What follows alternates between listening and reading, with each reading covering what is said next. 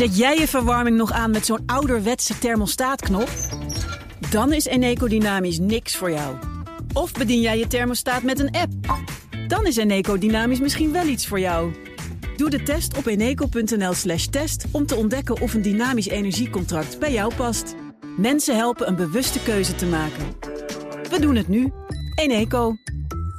Studio Den Haag.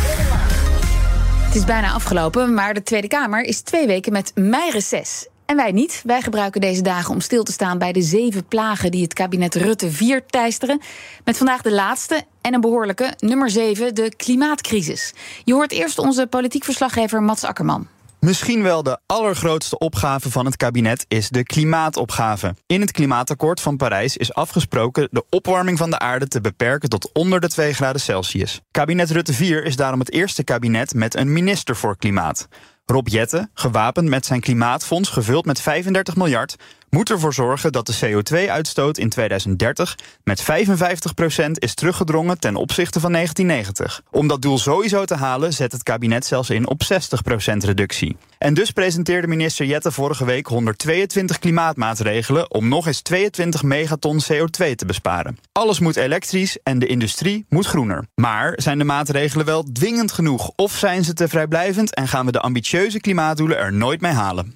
Ja, wordt dit een slepende crisis voor alle kabinetten van de komende jaren? Of gaan we die doelen gewoon halen? Dat bespreken we allemaal met Suzanne Kreuger, Tweede Kamerlid voor GroenLinks. Op reces, maar gewoon hier in de studio dus. En Olaf van der Graag van de Nederlandse Vereniging Duurzame Energie. Welkom allebei. Goedemiddag. Goedemiddag. Ja, ik vraag het aan een Tweede Kamerlid voor GroenLinks. Dus uh, ja, zijn die klimaatmaatregelen, 122 van minister Jette, ambitieus genoeg? Ik denk dat u uh, voor uw kant altijd meer.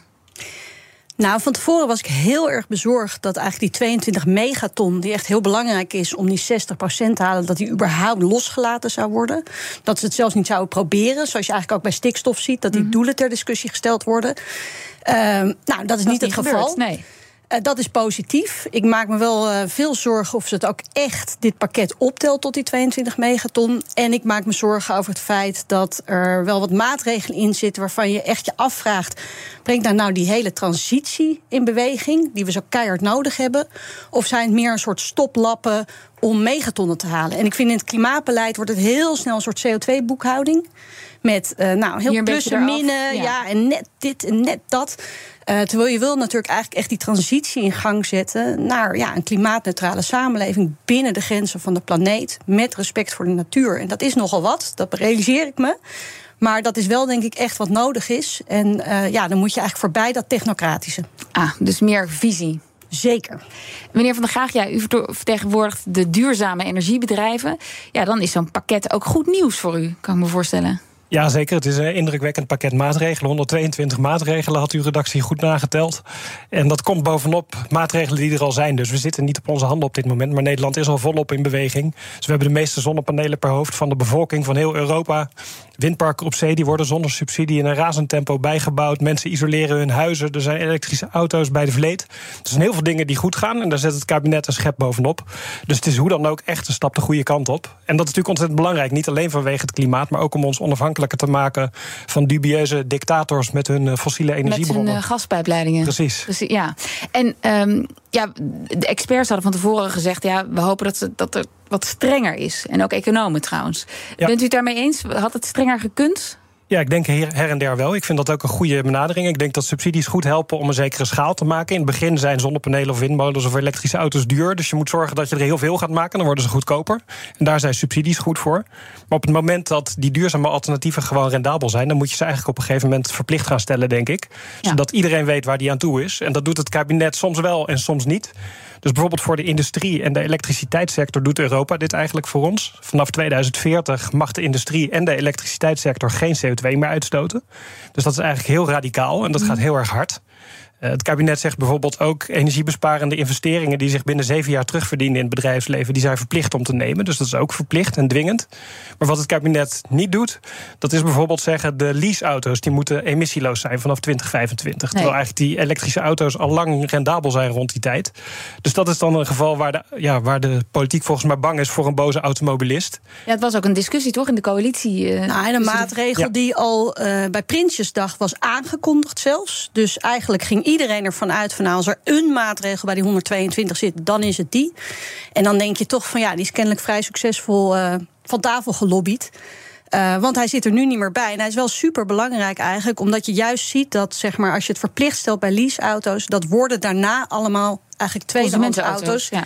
En dan jaag je juist die markt voor uh, zeg maar goedkopere tweedehands elektrische auto's heel erg aan. Nou, dat, ik heb een aantal leasebedrijven gesproken. En die zeggen, nou, die, die uh, elektrische leaseauto's, die gaan zo lang mee.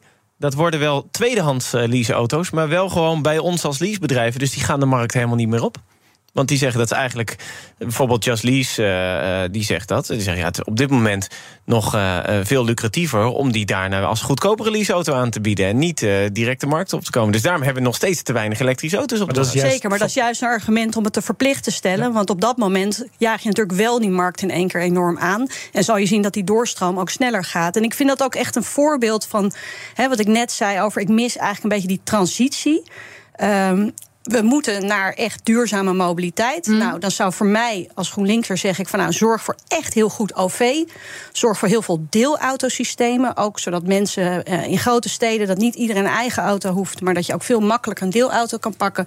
En dat is ook goedkoper. En heb je elektrisch vervoer voor een heleboel mensen. En zorg voor betaalbaar tweedehands elektrisch. En eigenlijk dat allemaal zit niet in dit pakket. En dan is het wel heel mager, vind ik, op elektrisch rijden. Dan even naar de industrie, want die moet volgens minister Jette het meeste bijdragen. Um, ja, hoe gaat dat uitpakken voor het vestigingsklimaat in Nederland, Olaf? Ja, de, er is echt een revolutie gaande in de industrie. De, klimaatdoelen worden altijd afgerekend ten opzichte van 1990. En de industrie en de elektriciteitssector die zijn ongeveer twee derde van hun uitstoot kwijt in 2030. Als alle plannen werkelijkheid worden. Dus zo'n 65% CO2-reductie. En die laatste een derde die gaat er in de tien jaar daarna af. Dus dat is ongekend snel. En dat gaat ook over heel erg veel energie. Nederland heeft heel veel energie-intensieve industrie. Dus daar moeten ze echt vol aan de bak. En ik denk dat het ook wel heel belangrijk is dat we zorgen dat de randvoorwaarden voor de industrie op orde zijn. Om dat ook waar te kunnen maken. Want en wat zijn dan die randvoorwaarden? Nou, het gaat bijvoorbeeld over het aansluiten op het elektriciteitsnet. Als je over wil schakelen op een industriële warmtepomp om je gasketel te vervangen, ja, dan heb je een hele dikke elektriciteitskabel nodig. En dat net is al overvol. En dat is al dringen. Als je naar groene waterstof wil overschakelen, dan heb je een uh, pijplijn nodig die waterstof naar jouw fabriek brengt. Maar denkt u ook dat er dan bedrijven zijn en uh, grote industrie misschien zelfs, die zegt: Nou ja, het wordt hier in Nederland toch een beetje heet onder de voeten. Of wij kunnen dat gewoon niet uh, beloven dat dat ons lukt. We gaan er, ergens anders van vestigen. Nou als je kijkt welke bedrijven het afgelopen jaar in de problemen kwamen, waren het de bedrijven die sterk afhankelijk waren van aardgas. En juist de bedrijven die al ver over waren geschakeld op energie-efficiëntie en op duurzame energie, die hadden de minste problemen. Dus in principe denk ik dat een ja. basis op, in duurzame energie onze industrie veel sterker maakt in de wereldcompetitie. Alleen we moeten dus wel zorgen dat je infrastructuur hebt, dat je razendsnel vergunningen krijgt. Dat duurt nu vaak acht of tien jaar, dat moet in één of twee jaar. En we moeten ook zorgen dat er echt goede kredieten beschikbaar zijn voor het bedrijfsleven, want de rente loopt op, helaas. En het gaat over kapitaalintensieve investering, gaat over tientallen miljarden. leest u dat ook allemaal terug, die randvoorwaarden in dat klimaatpakket? Nee, nog niet. Dus ik denk dat daar echt ook nog een tandje bij moet. Ja. Uh, dus het moet voor een aantal sectoren strenger. Dus bijvoorbeeld voor automobilisten, de lease-sector moet het strenger. Voor woningeigenaren denk ik ook dat het nog wat strenger kan. Daar zijn heel veel subsidies, maar weinig verplichtingen. Maar voor de industrie en de elektriciteitssector zie ik vooral heel veel verplichtingen. Alleen is er echt meer actie nodig om het ook waar te kunnen maken. Ik wil nog even terug naar dat hoofddoel. In 2030 moet die CO2-uitstoot met 60% verminderd zijn ten opzichte van onze uitstoot in 1990. Ja, dat is 110 maanden, heeft onze redactie uitgerekend. Mevrouw Kreuger, is dat realistisch? Gaan we dat halen? Ja, dat is de tragiek met klimaatbeleid. En net zoals overigens met stikstofbeleid, is dat hoe meer je het voor je uitschuift, hoe eigenlijk steviger en radicaler de keuzes zijn die je moet maken om die doelen nog te halen. Mm. Maar ik denk wel, als je ziet ook weer de laatste onderzoeken van de IPCC over wat klimaatverandering teweeg brengt. We hadden uh, de IPCC in de Tweede Kamer om eigenlijk het rapport toe te lichten. We zaten er helaas met, geloof ik, drie Kamerleden om dat uh, te luisteren. Maar die zeggen echt elke tiende graad telt. En uh, de gevolgen zijn zo gigantisch dat je alles op alles nu moet zetten. En die 60% is echt het minimale. Eigenlijk moet het zeker 65% zijn. Mm. Um, en ja, dat, dat vergt heel veel. Maar, en ik denk maar lukt dat, het... dat in 110 maanden? Met die 122 maatregelen? Nee, ik denk dat er wel nog meer nodig is. Uh, ik maak me zorgen dus of deze maatregelen echt genoeg zijn om dat doel te halen. En waar ik me eigenlijk ook wel zorgen over maak, is of er genoeg wordt geïnvesteerd om juist eigenlijk de onderkant, zeg maar, en de mensen die het minst te besteden hebben in Nederland, om die echt mee te krijgen. En dan gaat het over mobiliteit, zorgen dat je geen vervoersarmoede krijgt. Dan heb je het over in uh, de sociale huursectoren echt zorgen dat die verduurzaming van huis op gang komt. Want ik maak me wel uh, ja, zorgen dat uh, we miljarden stoppen in de industrie. Dat is heel veel wordt gedaan met subsidies en belonen. Uh, en dat we eigenlijk veel minder doen, was vandaag ook een bericht. Hè, dat slechts 3% van de, van de totale pot met geld eigenlijk terechtkomen bij, bij. Uh, bij, bij, burgers. Dat we daar veel te weinig voor doen. En, en, en ja, rechtvaardigheid stond ook in dat uh, klimaatpakket, dat pakket aan maatregelen. Dat gaat daarover. Precies, dat maar... is klimaatrechtvaardigheid. is echt dat je zorgt dat je juist mensen. Nou, en het voorbeeld dus van die mobiliteit is dat er nu toch weer gekozen wordt voor het ontzien eigenlijk van nou ja, de leasebedrijven en de leaserijders. In plaats van dat je echt zegt van nou, we gaan zorgen dat we in 2030 dat die elektrische auto hm. tweedehands gewoon grootschalig op de markt is. Maar we zorgen ook bijvoorbeeld voor heel goed openbaar vervoer. Maar jullie, jullie zeggen eigenlijk, nou, het kan allemaal nog scherper, het kan radicaler. Maar misschien is dus de conclusie van de coalitie wel, er is helemaal geen draagvlak voor in Nederland. Nou ja, ze doen ook natuurlijk meer dan ooit. Hè? Dus ik denk ook dat het nou ja, dat het nog steeds niet helemaal genoeg zal zijn om die 60% reductie te halen. Ik denk wel dat we meer dan 50% reductie gaan halen. Dat is historisch gezien wel een prestatie van je welste. Dus de kabinetten Rutte doen het beter dan alle andere kabinetten. De problemen zijn eigenlijk dat de kabinetten Kok en Lubbers zo weinig hebben gedaan. En je ah. kunt dat niet allemaal in één keer inhalen. Dus daar worstelt de huidige politiek denk ik ook mee. Dus kabinet Rutte 5, die, dat, nou, uh, nou. dat uh, zal aan de bak moeten. Uh, dank jullie wel voor nu. Dit was uh, een gesprek over de klimaatcrisis. Een van de zeven politieke plagen die het kabinet Rutte 4 teisteren. Dank jullie wel, Suzanne Kreuger, Kamerlid voor GroenLinks... en Olaf van der Graag van de Vereniging Duurzame Energie. Eet jij elke woensdag lasagne omdat het zo lekker makkelijk is? Dan is Eneco Dynamisch niks voor jou. Maar kook jij het liefst elke keer wat anders met het risico dat ze zeggen... Ja dag, dat gaan we echt niet eten. Dan is Eneco Dynamisch misschien wel iets voor jou. Doe de test op eneco.nl slash test om te ontdekken of een dynamisch energiecontract bij jou past. Mensen helpen een bewuste keuze te maken. We doen het nu. Eneco.